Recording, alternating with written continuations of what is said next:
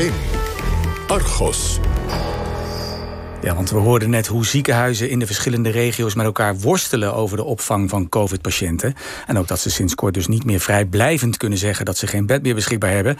Nou, dat is aan de ene kant mooi, zou je zeggen, want er zijn sindsdien geen patiënten meer naar de Oosterburen gestuurd. Maar er zit wel een keerzijde aan. Want wat zijn de gevolgen van die dwang? Met name dan de gevolgen voor ziekenhuizen. Wie gaat er bijvoorbeeld opdraaien voor de extra kosten die zorginstellingen maken voor al die COVID-zorg? Kunnen zij in deze coronatijd nog wel het hoofd boven water houden? Hans Veenstra, welkom. Dank je. In de studio. U zwaarde twee weken geleden af als voorzitter van de Raad van Bestuur van het Martini Ziekenhuis in Groningen. U bent officieel dus met pensioen. Bevalt dat? Of had u liever nog even aan de knoppen gezeten in deze roerige tijden? Het voelt, nou, ik had nog wel graag aan de knoppen gezeten. Het voelt nog een beetje als een soort wat verlengde vakantie op dit moment. Want werk was vakantie? Nou, werk is voor mij altijd wel uh, een, uh, iets geweest waar ik me ontzettend in heb uh, kunnen vinden. En dus eigenlijk ook nooit een opgave is geweest. Ik heb altijd met heel veel plezier gewerkt. U, u denkt, u denkt volgende week moet ik weer? Nou, bij wijze van spreken ja. wel, ja. Ik belde u een paar weken geleden met de vraag waarom er uh, al patiënten naar Duitsland vervoerd uh, moesten worden. En u zei dan, ja, nou ja, goed, dat hoorden we net ook al van Marit en Renier. Je wil als ziekenhuis IC bij de vrij houden voor patiënten die geen COVID hebben, die ineens plotseling geholpen moeten worden. Maar u vertelde uiteindelijk ook iets anders interessants. Want u zei, en dat is eigenlijk ook de reden waarom u hier bent uitgenodigd. Want u zei dat sommige ziekenhuizen mogelijk, en dan met de nadruk op mogelijk, niet echt staan te springen om die COVID-patiënten uit andere regio's over te nemen. En dat dat zou komen om financiële redenen.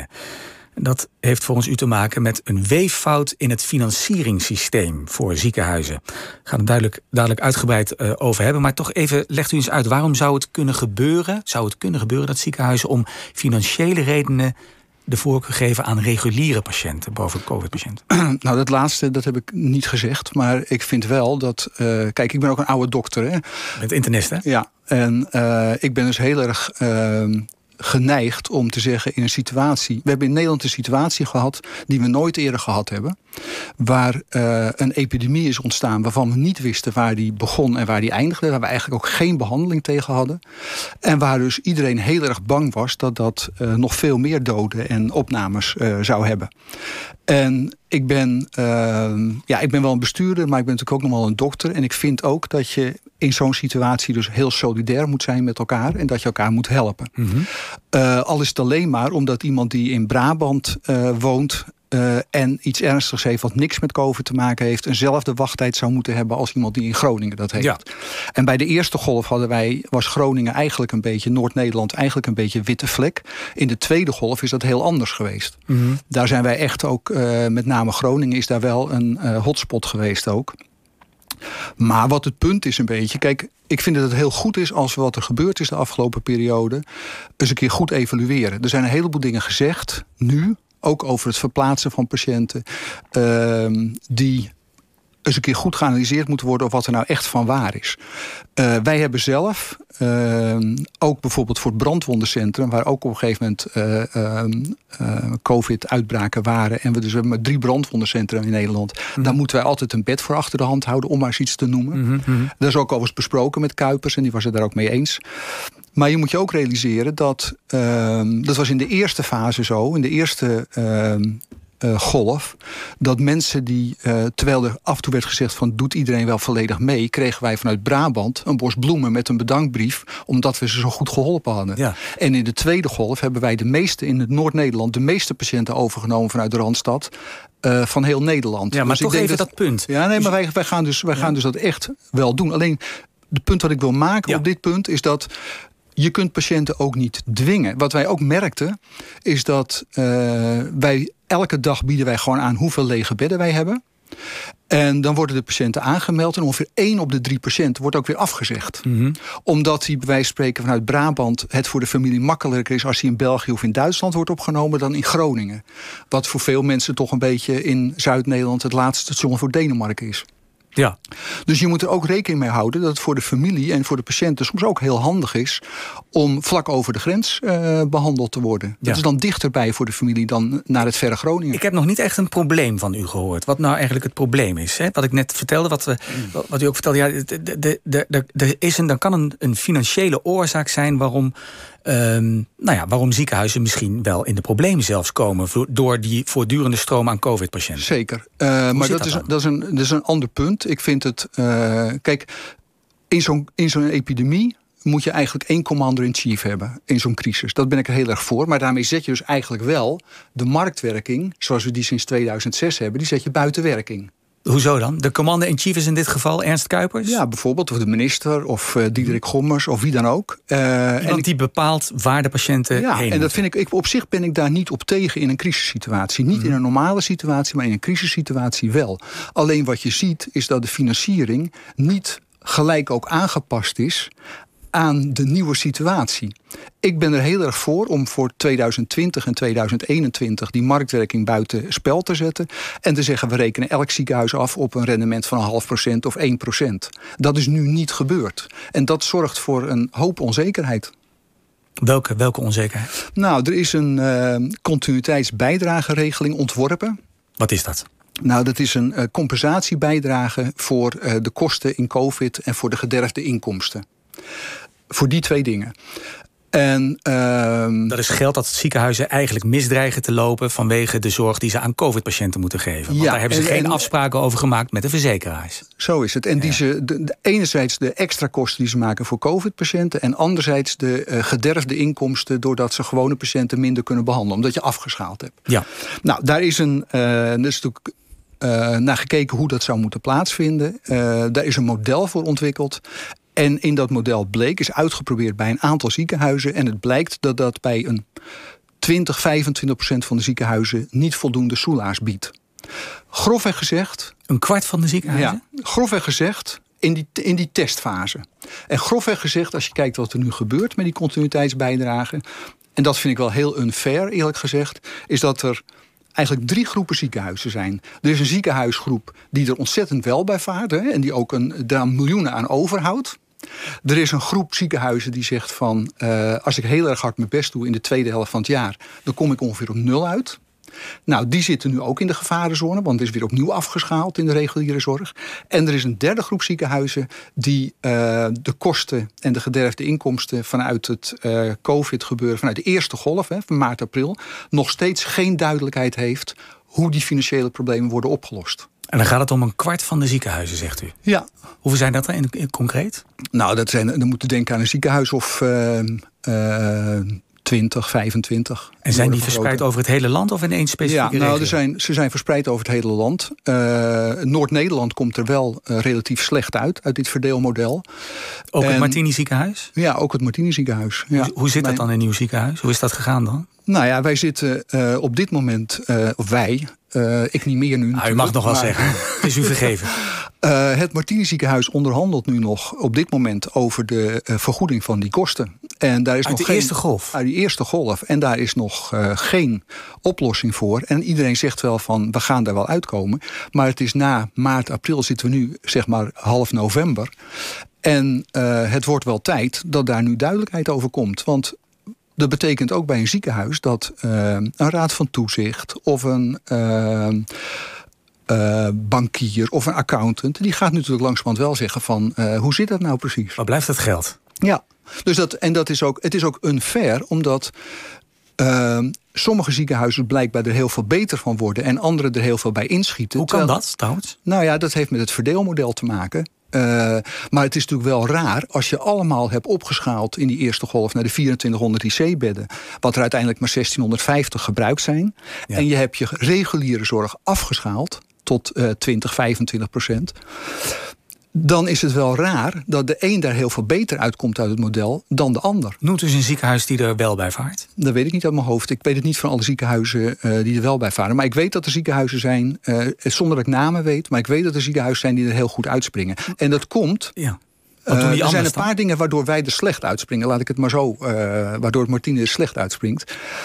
Er is voor gekozen, en dat is onder druk van de zorgverzekeraars geweest om uh, de begroting 2019 te gebruiken als uh, maat. en dat is wel, ja, dat kan. Maar het is natuurlijk wel raar, omdat er in regio's ook zorgverschuivingen plaatsvinden. Bijvoorbeeld in Groningen is het zo dat al een aantal jaren het academisch ziekenhuis met volledige instemming van iedereen, van verzekeraars, van de ziekenhuizen, van ons, van de andere ziekenhuizen, uh, basale zorg afschaalt. En dat betekent dus dat die zorg naar andere ziekenhuizen toe gaat. En daar is ook in 2020 uh, een kleine verschuiving aan toegevoegd. En dat betekent dus ook dat als je over 2019 afrekent, dat je de kosten die je gemaakt hebt om door te groeien naar 2020, waar we ook in de eerste maanden heel erg goed naar, mee op weg waren, dat je daar een, een echt een financieel nadeel door oploopt. En hoe groot is dat nadeel voor het Martini ziekenhuis? Nou, op dit moment, uh, maar ik weet niet wat er de laatste twee weken gebeurd is natuurlijk. Maar uh, dat was, voordat ik wegging, was het uh, de kosten en de gederfde inkomsten die we hadden, was om en nabij de 5,7 miljoen euro. en daarvan zit het grootste deel, wordt veroorzaakt door de, het refertejaar 2019 in plaats van 2020. Ja, 5,7 miljoen zegt u. Dat, is, dat is wat het Martini ziekenhuis tekort komt? Ja. Ja, nee, we hebben natuurlijk wel maatregelen, of het ziekenhuis heeft wel maatregelen genomen natuurlijk, waardoor het verlies uiteindelijk ook over 2020 kleiner zal uitpakken. Maar het gaat niet om drie tientjes. Dat het gaat niet om drie tientjes en het betekent ook als, uh, en ik maak me daar dus zorgen over, ook voor de ziekenhuissector in Nederland, want als dit op meerdere plekken gaat gebeuren, betekent dus dat ziekenhuizen best goed in staat zijn om dat op te vangen. Maar dat betekent dat er in andere dingen niet geïnvesteerd wordt. En de komende jaren hebben we een uitgebreide vernieuwingsagenda uh, op de agenda staan. Uh, met VWS om veel meer te gaan digitaliseren, meer patiënten buiten het ziekenhuis te behandelen. En dat vergt een hoop uh, investeringen van ziekenhuizen. Die moeten ook plaatsvinden. Dus maar ja, dat gebeurt ergens, niet dus. Nou, ergens ga je dus, als je geen oplossing voor komt, ga je daar uh, de rekening voor betalen. Ja, want hoe, lang, hoe, hoe, lang kan het Martini ziekenhuis en, en die andere ziekenhuizen dus ook... ik ga er maar even vanuit dat de, de kwart van, het kwart van die ziekenhuizen die u benoemde... dat dat een beetje gelijk loopt, dat daar de problemen evenzeer uh, spelen. Wat gaat dat betekenen dan? Nou, voor het, uh, dat is het is voor elk ziekenhuis natuurlijk individueel anders. Uh, het ene ziekenhuis heeft een betere reservepositie dan het andere ziekenhuis. Staan dus... er ziekenhuizen op omvallen? Dat denk ik niet. En uh, de verzekeraars en uh, de brancheorganisatie hebben ook gezegd... er mag geen ziekenhuis omvallen door de coronacrisis. Dus ik ga ervan uit dat die dat vangnet wel gelegd wordt. Maar dan nog blijft er natuurlijk een buitengewoon onredelijke situatie over. Dat het ene ziekenhuis daar heel veel meer aan overhoudt dan het andere ziekenhuis. Dat is eigenlijk willekeur. Ja, ja.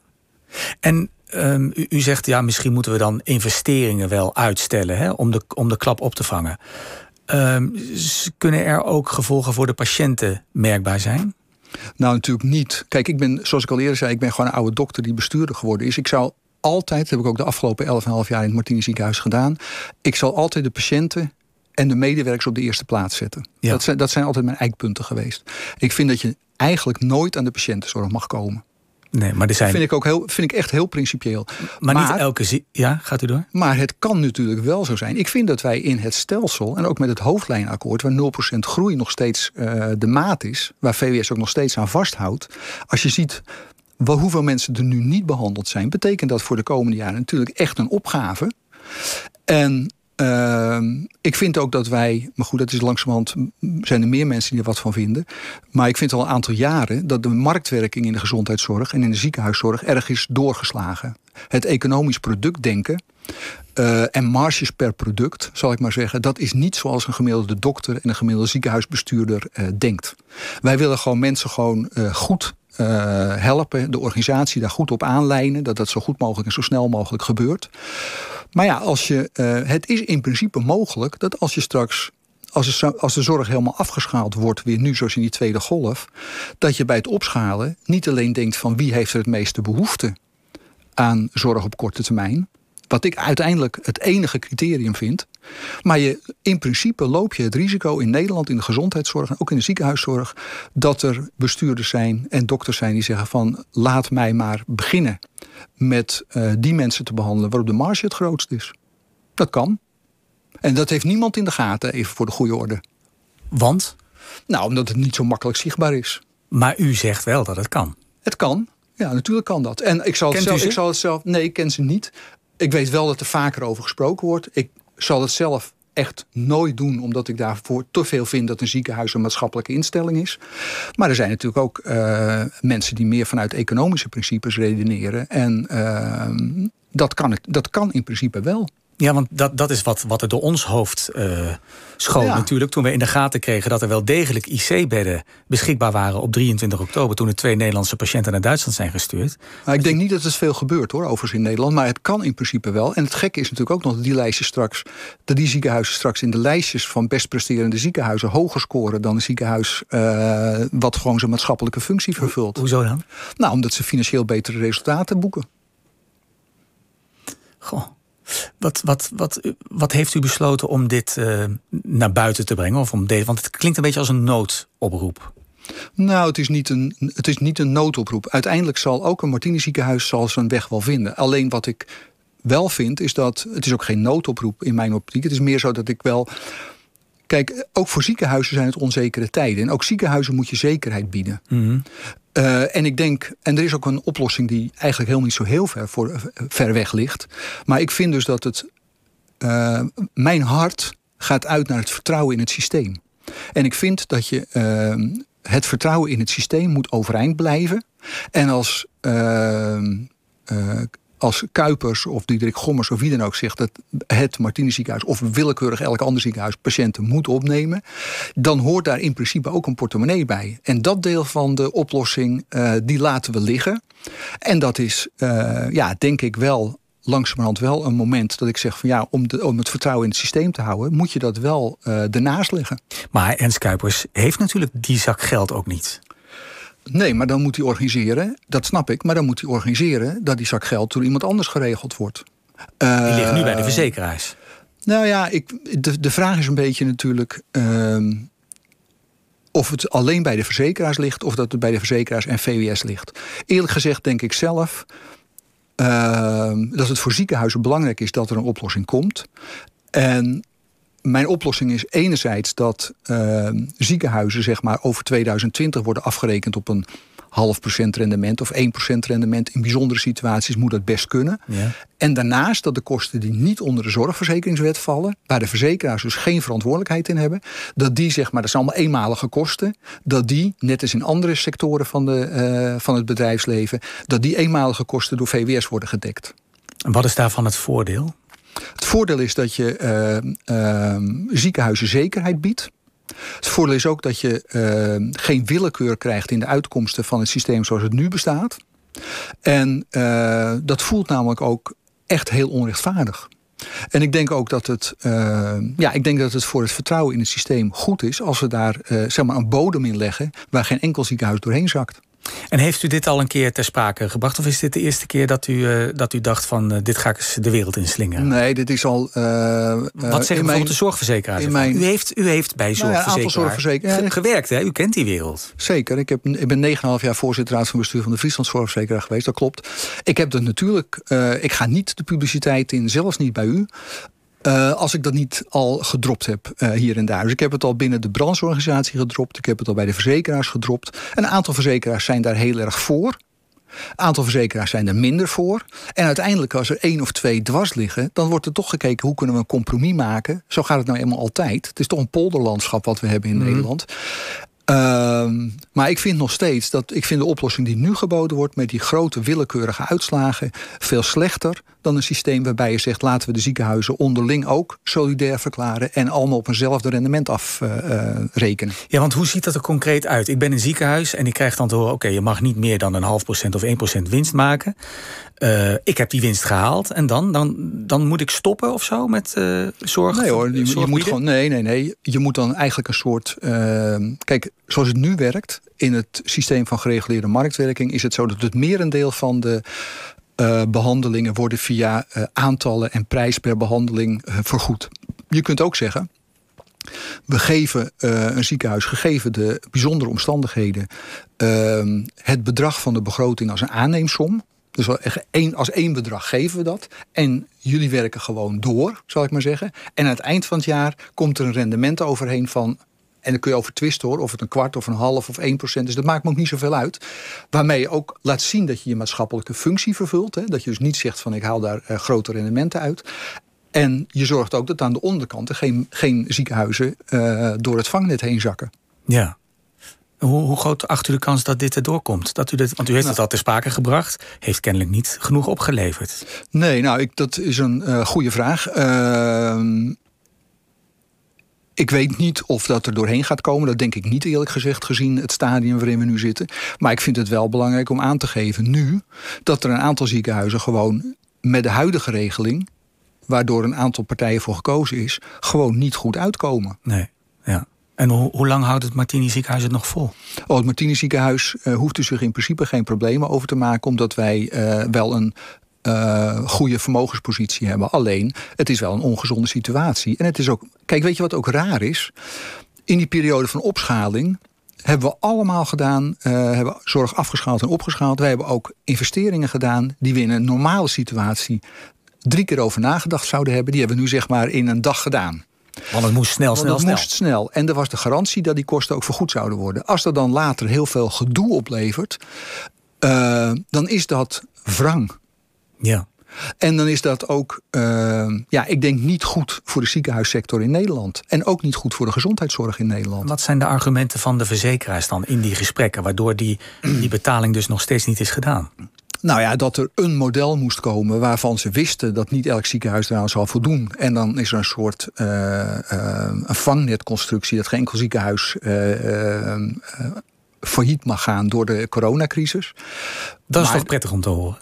Dat is prettig om te horen, maar uh, de andere kant van de medaille is dat dat uh, nog niet zes maanden na dato nog steeds niet uh, vermaterialiseerd is. Dat is één. En het tweede is, het blijft heel raar dat die willekeur in, de, in het verdelingsmodel zo groot is. Ja, ja. Um, ja, wat, wat staat er nu te doen? Hoe heeft het eigenlijk zover kunnen komen? Ja, u zegt, u, want het, het lijkt een beetje alsof. Uh, ik had er nog nooit van gehoord. Ik heb wel die brieven gelezen van de zorgverzekeraars. Daarin staat: wij zullen zorgen dat de, de ziekenhuizen niet omvallen. Klinkt allemaal heel genereus. En nu komt u eigenlijk een heel ander verhaal vertellen. Ja, uh, maar ik ben niet de enige in Nederland die dit verhaal vertelt. Hoor. Er zijn meer ziekenhuizen die met dit probleem worstelen. Uh, wat ik daar straks al zei. Ja. En dat is ook echt zo. En naarmate de tweede crisis uh, verder komt... en de, de reguliere zorg zeg maar, wordt afgeschaald... wordt het probleem voor een aantal andere ziekenhuizen ook navenant groter. Ja, het is ook nog niet afgelopen, hè? Nee, maar ik vind wel dat het uh, belangrijk is om het signaal af te geven... dat een aantal dingen gewoon uh, nog niet afgerond zijn. Ook uit de eerste coronagolf. Ja.